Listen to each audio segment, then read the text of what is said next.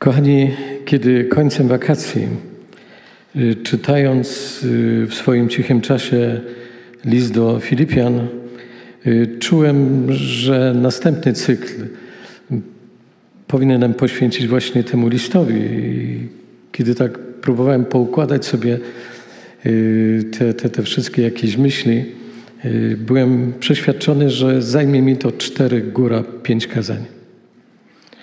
Natomiast dzisiejsze kazanie już jest y, dwunaste.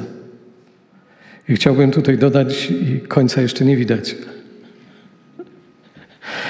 Jak tak, tak, jak tak dalej pójdzie, to ta księga w Biblii będzie nam się sama otwierać, jak nie przymierzając podręcznik do angielskiego na czasownikach nieregularnych.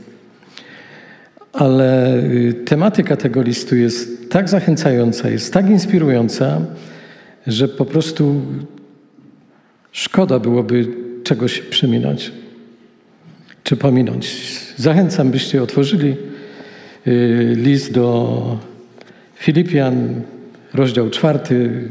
Zaręczam, to już jest ostatni rozdział rozdział czwarty i chcę przeczytać wiersze od pierwszego do czwartego. Jeżeli macie jeszcze siłę, proszę byście powstali, a potem wygodnie sobie usiedli. Paweł pisze tak. Przeto, bracia moi umiłowani i pożądani, radości korono moja, trwajcie w Panu, umiłowani. Upominam Ewodię, upominam Syntychę, aby były jednomyślne w Panu. Proszę także i Ciebie, wierny mój towarzyszu, zajmuj się, zajmij się nimi, wszak one dla Ewangelii razem ze mną walczyły wespół z Klemensem i z innymi współpracownikami moimi, których imiona są w Księdze Żywota. Radujcie się w Panu zawsze, powtarzam, radujcie się. Usiądźcie.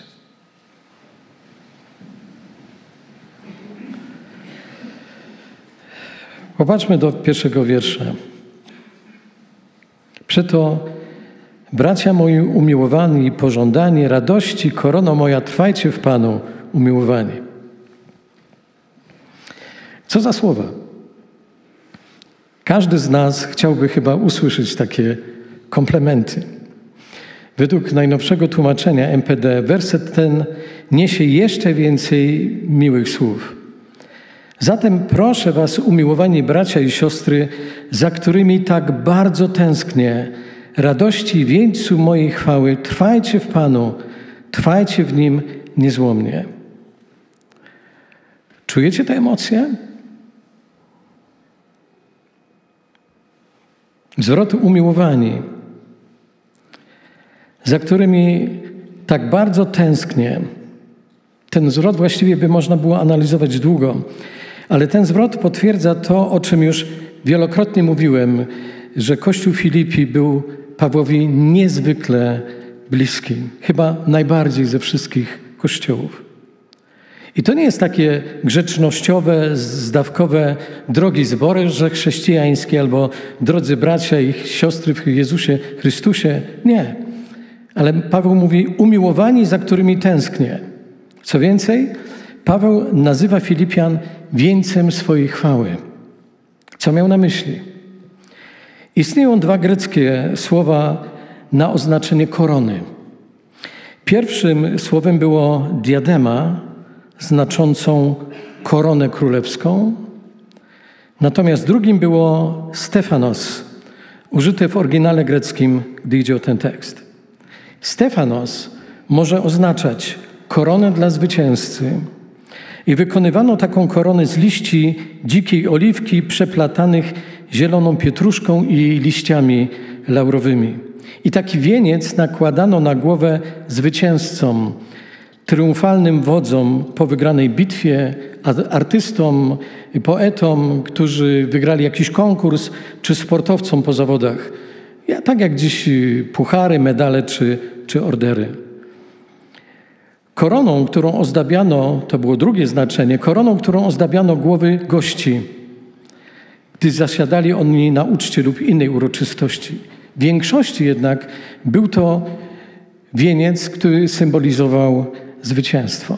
Ktoś, kto patrzył na wieniec, widział, to jest zwycięzca. I chyba o tym miał Paweł, o tym chyba Paweł myślał, pisząc, że Filipianie są wieńcem Jego chwały. Kiedy inni patrzą na Was, na Wasze życie, widzą, że zwyciężyłem, że warto było, to Wy świadczycie o moim zwycięstwie w służbie. Tak można byłoby to sparafrazować. I naprawdę to musiał być zbór marzenie. Wzór i radość dla Pawła i marzenie dla każdego pastora, dla każdego księdza. Drodzy pastorzy, jeżeli jesteście tutaj zebrani, wasze zbory to jest marzenie, to wzór. Ja cieszę się ze swojego zboru, gdy idzie o mylinkę. I zawsze uważam, że to jest najlepszy zbór. Mam świadomość również tego, że narażam się innym pastorom, którzy mogą powiedzieć to samo o swoim własnym zborze. Wzór i radość dla Pawła i marzenie. Paweł może więc w liście do nich mniej koncentrować się na tłumaczeniu i napominaniu, chociaż to się zdarzyło, jeżeli popatrzymy na werset drugi i trzeci, mamy z tym do czynienia. Ale jednak Paweł koncentruje się na zachęcaniu, na mobilizowaniu, na inspirowaniu. I właśnie słowa zachęty mamy w dalszej części tego wersetu.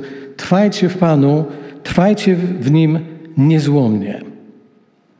Moglibyśmy powiedzieć to takie proste. Trwać w Panu. A zarazem takie trudne.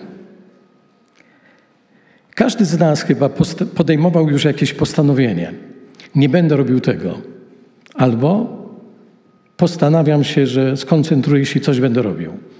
Mieliście, czy mieliście takie noworoczne postanowienia? Nie będę grał tak wiele, tak dużo na komputerze. Nie będę jadł słodyczy. Albo zacznę robić konkretne sprawy. Będę długo spacerował. Będę biegał. Będę chodził na gimnastykę. Wiecie, ja także podejmuję nieraz postanowienia. Takie desperackie próby. Ale w Malince przy tak wielkiej ilości zdarzeń w Kościele podjęcie decyzji o niejedzeniu ciasta wymaga niezwykłego samozaparcia, wręcz bohaterstwa. Dobrze, że zanim w niedzielę zejdę na dół nakipić się kawy, to najlepsze ciasta są już wyjedzone, aczkolwiek wszystkie są najlepsze. Podejmujemy więc różne decyzje. A jak to wygląda z wytrwaniem w postanowieniu? Podjęliście jakieś postanowienia 31 grudnia albo 1 stycznia? Wytrwaliście dwa dni? Od jutra nie będę jadł słodyczy. Apostoł Paweł wiedział, co znaczy wytrwać w postanowieniu. Dlatego błagał usilnie Filipian: trwajcie w Panu, trwajcie w nim niezłomnie. W Dzięgielowie podczas tygodni ewangelizacyjnych zespół śpiewa piękną pieśń Janusza Bigdy Ojca Dom. I zachęcam nasz zespół, żeby wprowadził y, w obieg właśnie do nas ten, y, tę, tę piosenkę. Jej słowa są dla mnie właśnie takim pięknym rozwinięciem tego fragmentu listu do Filipian. Pozwólcie, że przytoczę treść y, tej piosenki. Jak jest cudowny Ojca dom. Dzisiaj jeszcze tego nie wiem, ale w słowa Jego wierzę. Chcę kiedyś z Tobą mieszkać tam i oglądać nowe niebo, nową ziemię. Wszystko nowe, tak? Tylko dotrzeć tam. I druga zwrotka. Cóż na ziemi robić mam? Będę modlił się do Ciebie, będę myślał wciąż o Tobie, Jezu.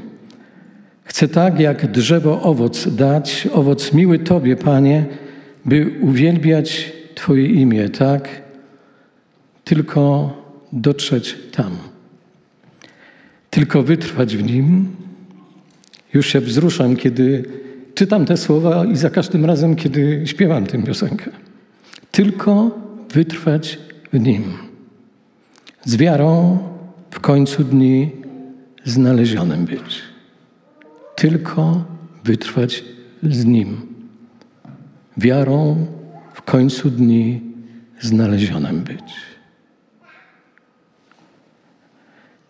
Kochani, ten werset chyba każdy z nas powinien sobie powiesić w kuchni czy w pokoju, a na pewno wyryć w sercu.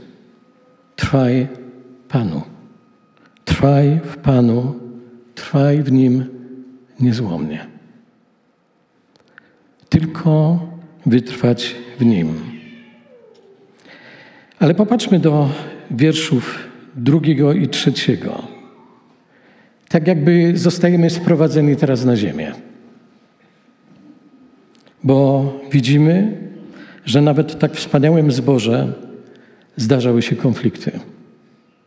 Bo czytamy, upominam Ewodię i upominam Syntychę, aby były jednomyślne w Panu.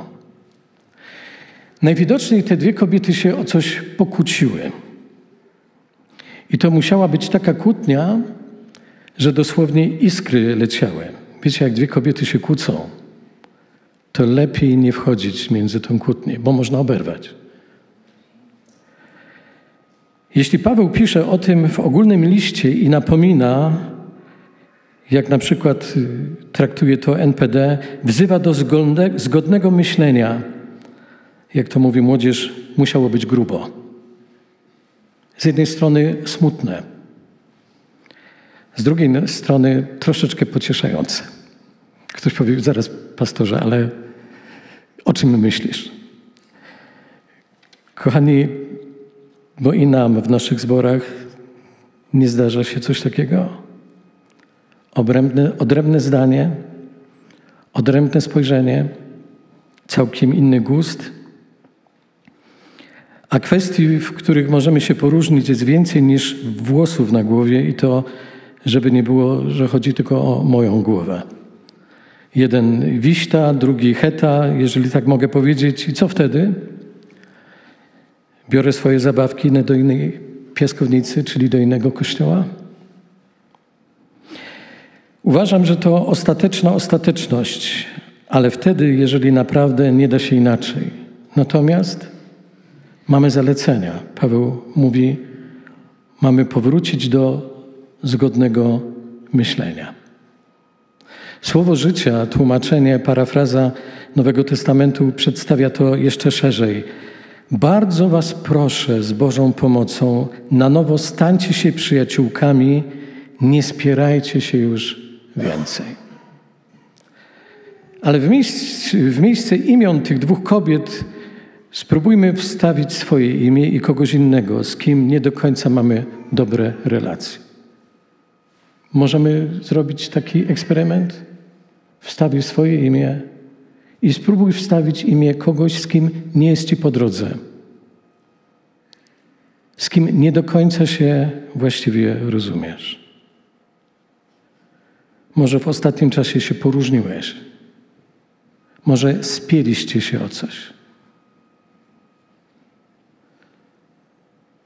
A co gdyby Twoje imię, imię tej osoby wymienił Paweł? Kochani, myślę, że kiedy odczytano ten list Ewodii i Syntysze, zrobiło się strasznie głupio. Moglibyśmy powiedzieć strasznie łyso. I zapewne chciały się zapaść pod ziemię. Chyba nie zdawały sobie sprawy jeszcze z tego, że przez dwa tysiące lat ich imiona będą odczytywane w kościołach i niestety będą się kojarzyły z upartością, z konfliktem, zaciekłością. A przecież to musiały być niezwykłe, wartościowe, pracowite, dzielne kobiety. Bo Paweł pisze o nich, wszak one dla Ewangelii razem ze mną walczyły wraz z Klemensem, z innymi współpracownikami moimi, których imiona są w Księdze Żywota. Konflikt musiał mieć miejsce, skoro Paweł prosi Tymoteusza, żeby zajął się tym problemem. Wiersz trzeci. Jakże inaczej mogłoby to brzmieć, gdyby Paweł napisał Pozdrówcie Ewodię, Sentychę oraz Klemensa i innych moich współpracowników, którzy bardzo natrudzili się ze mną przy głoszeniu dobrej wiadomości o ratunku w Chrystusie. Niestety, nie żebym się przyczepił, ale niestety kobitki też się ze sobą o coś poróżniły. Nie wiemy nawet o co. I tak, przepraszam za, za trywializm, za określenie, sprawa się rypła. Wprawdzie Paweł zwrócił się do nich imiennie, jednak nie wiemy dokładnie, kim one naprawdę były i czego dotyczył ten konflikt. Możemy jedynie wyobrażać sobie, że to były członkinie zboru Filipi, że to nie były osoby, które nie były znane zborowi Filipi. Wiemy, że były współpracowniczkami w służbie dla Pana Jezusa, może dawne przyjaciółki. Teraz na pewno nawet nie odzywały się do siebie, po drodze obchodziły siebie nawzajem szerokim łukiem, a podczas nabożeństw być może siadały w przeciwnych kątach i patrzyły na siebie z podełu łba. Fatalnie.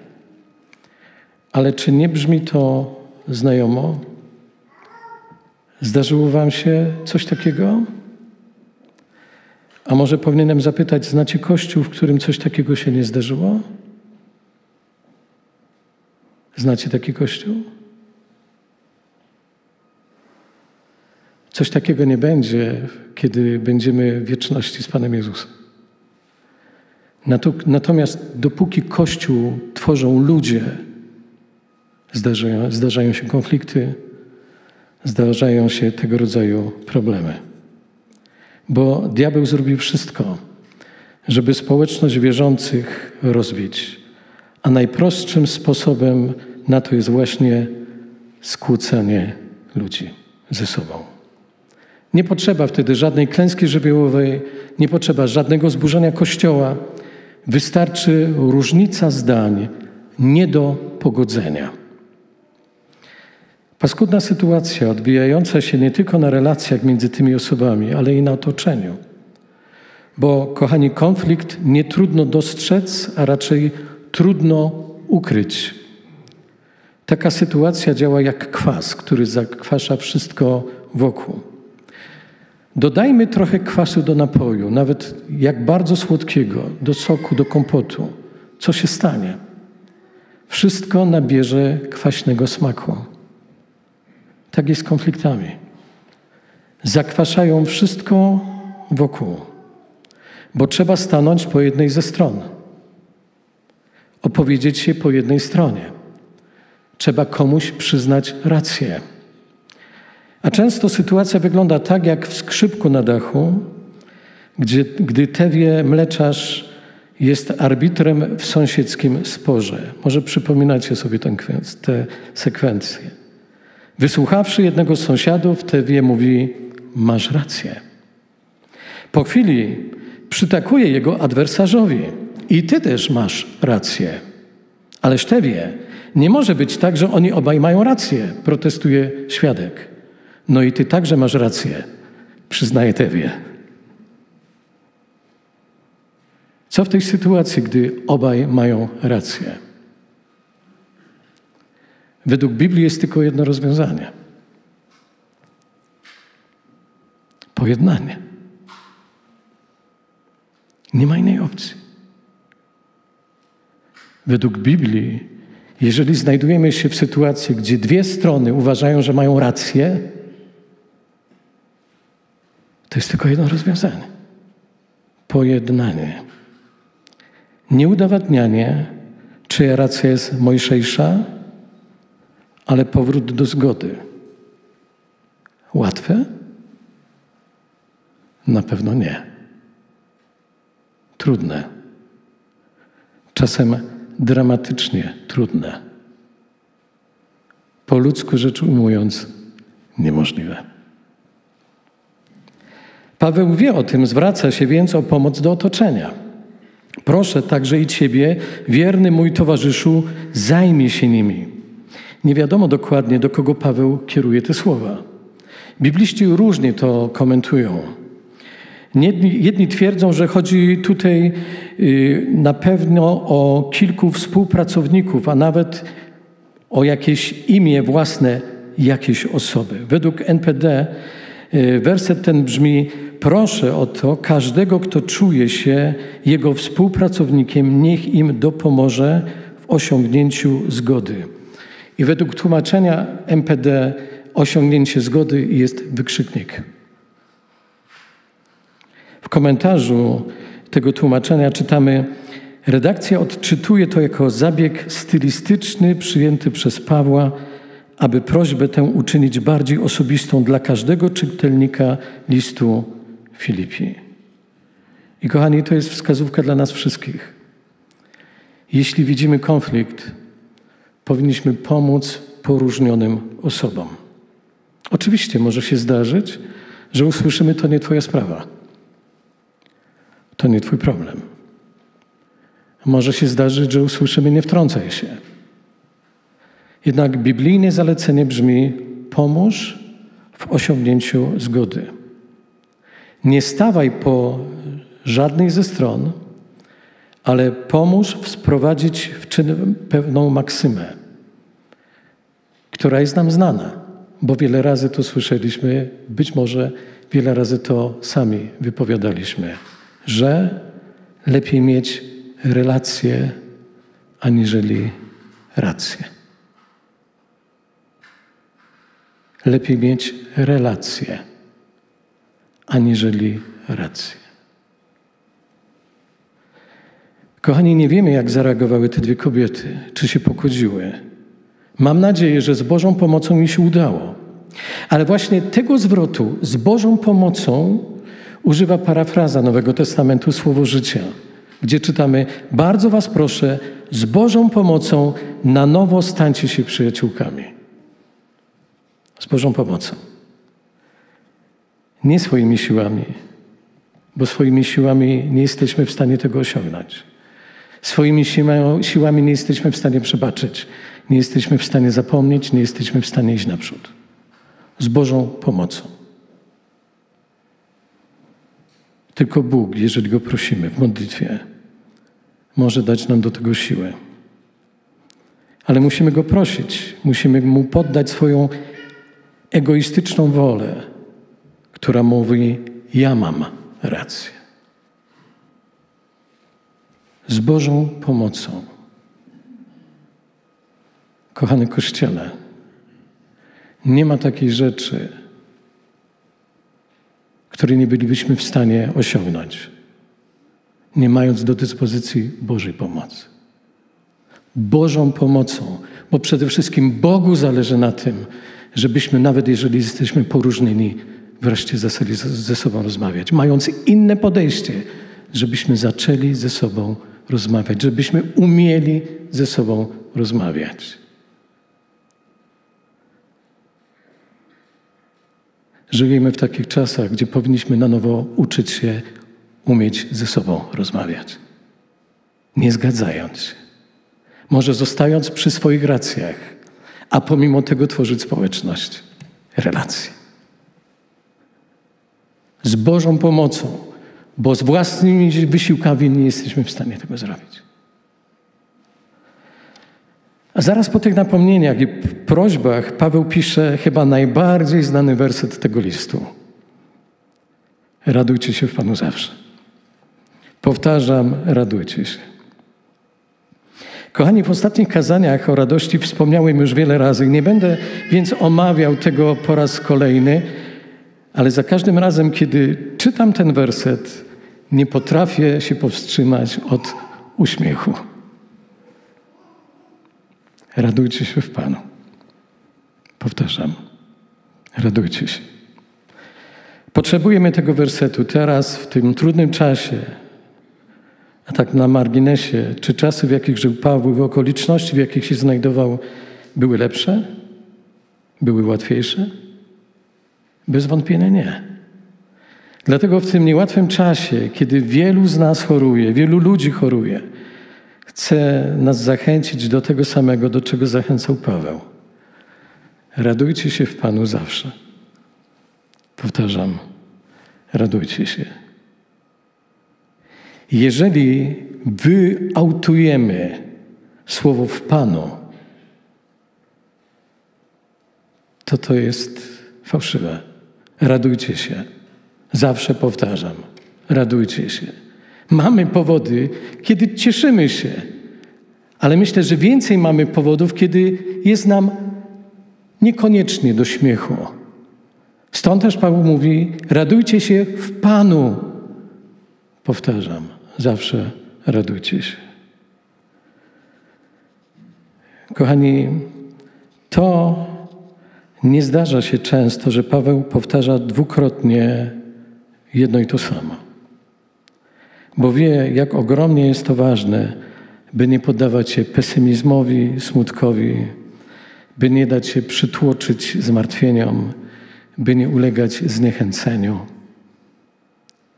Przecież nie trzeba wielkiej filozofii, żeby mając świadomość, że jest tutaj, nie wiem, 150 ludzi, nie, nie trzeba wielkiej filozofii, żeby jako pewnik wyjść z założenia, że co najmniej kilka osób nie ma powodów do radości.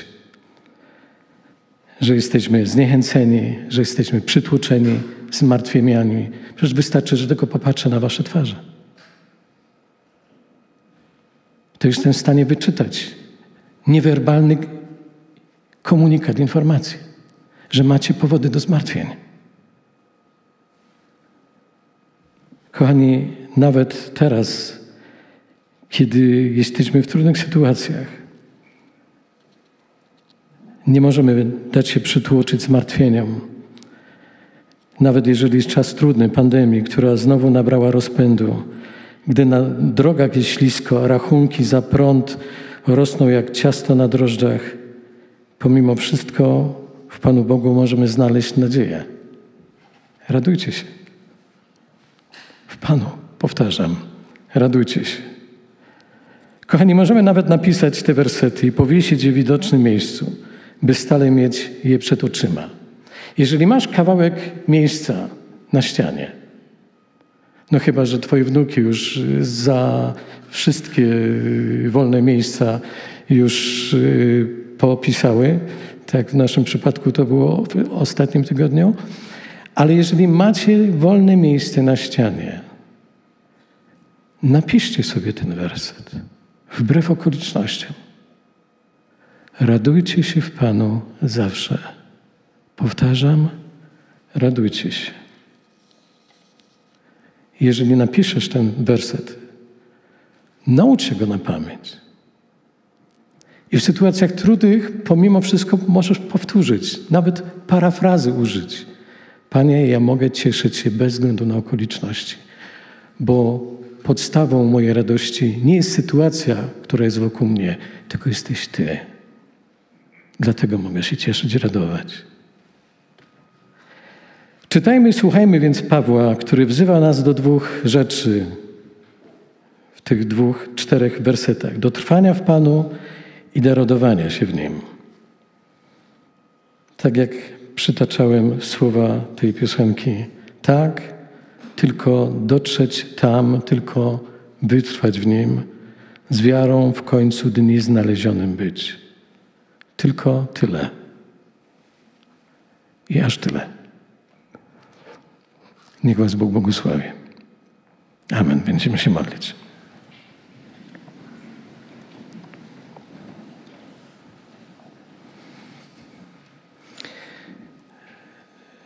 Panie Jezu, dziękujemy Ci, że Twoje nauczanie jest bardzo praktyczne.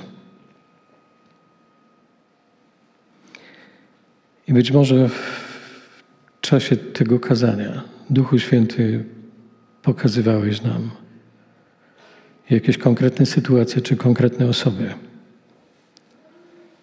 z którymi jakoś nam nie jest po drodze, z którymi może nie mamy relacji, nie mamy kontaktu. Panie, sprawy, abyśmy byli tymi, którzy dążą do jedności, a z Tobą możemy wszystko. Panie, sprawa, abyśmy trwali w Tobie. abyśmy mogli cieszyć się, może nie mając powodów ku temu, kiedy patrzymy na to wszystko, co się wokół nas dzieje, przez pryzmat jakichś doświadczeń, problemów, trudności. Ale Panie, daj, aby każdy z nas miał to pragnienie trwania przy Tobie. I byśmy byli wypełnieni Twoją radością i Twoim pokojem. W Twoje ręce polecamy to wszystko, co jest jeszcze przed nami, kiedy będziemy się rozchodzić do domów. Panie, chcemy Cię prosić o Twoją ochronę, błogosławieństwo dla naszych domów, dla naszych relacji, dla naszych rodzin. Panie, kiedy jest tylu chorych ludzi, nie pozwól, abyśmy byli stłamszeni tym wszystkim, co się dzieje, ale byśmy mogli odczuwać to, w jaki sposób chcesz nas podnosić. Prosimy Cię, Panie, o zdrowie. Chcemy Cię, Panie, prosić o to, żebyś rzeczywiście dał nam siły, żebyśmy też umieli okazywać troskę sobie nawzajem. Dziękujemy, że to jest wielki przywilej, że możemy modlić się o siebie nawzajem, Panie, że doświadczyliśmy już tak wielu modlitw, tego, jak wypełniałeś, jak wysłuchiwałeś.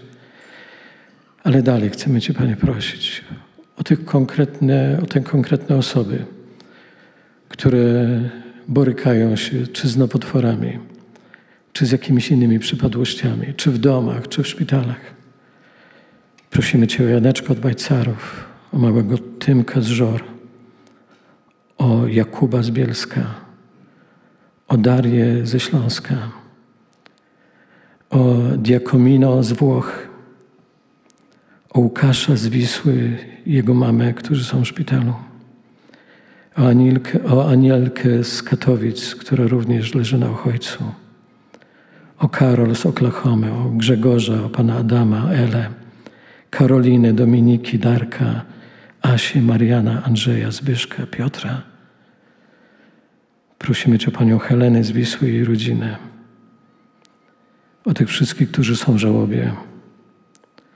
Chcemy Cię prosić, Panie, o lekarzy, o pielęgniarki, o ratowników medycznych. Prosimy o siłę, taką ochronę fizyczną dla każdego z nich i dla nas, jak tu jesteśmy. Dziękujemy, że to wszystko możemy oddawać w Twoje ręce, Panie. Że kiedy oddajemy jakiekolwiek sprawy, możemy odczuwać wewnętrzny pokój wyciszenie. I w świadomości tego też, Panie, jeszcze tak razem do Ciebie chcemy wołać. Ojcze nasz, który jesteś w niebie, święć się imię Twoje, przyjdź królestwo Twoje, bądź wola Twoja, jako w niebie, tak i na ziemi. Chleba naszego powszedniego daj nam dzisiaj i odpuść nam nasze winy, jako i my odpuszczamy naszym winowajcom. I nie wódź nas na pokuszenie, ale nas zbaw ode złego, albowiem Twoje jest królestwo i moc i chwała na wieki wieków. Amen.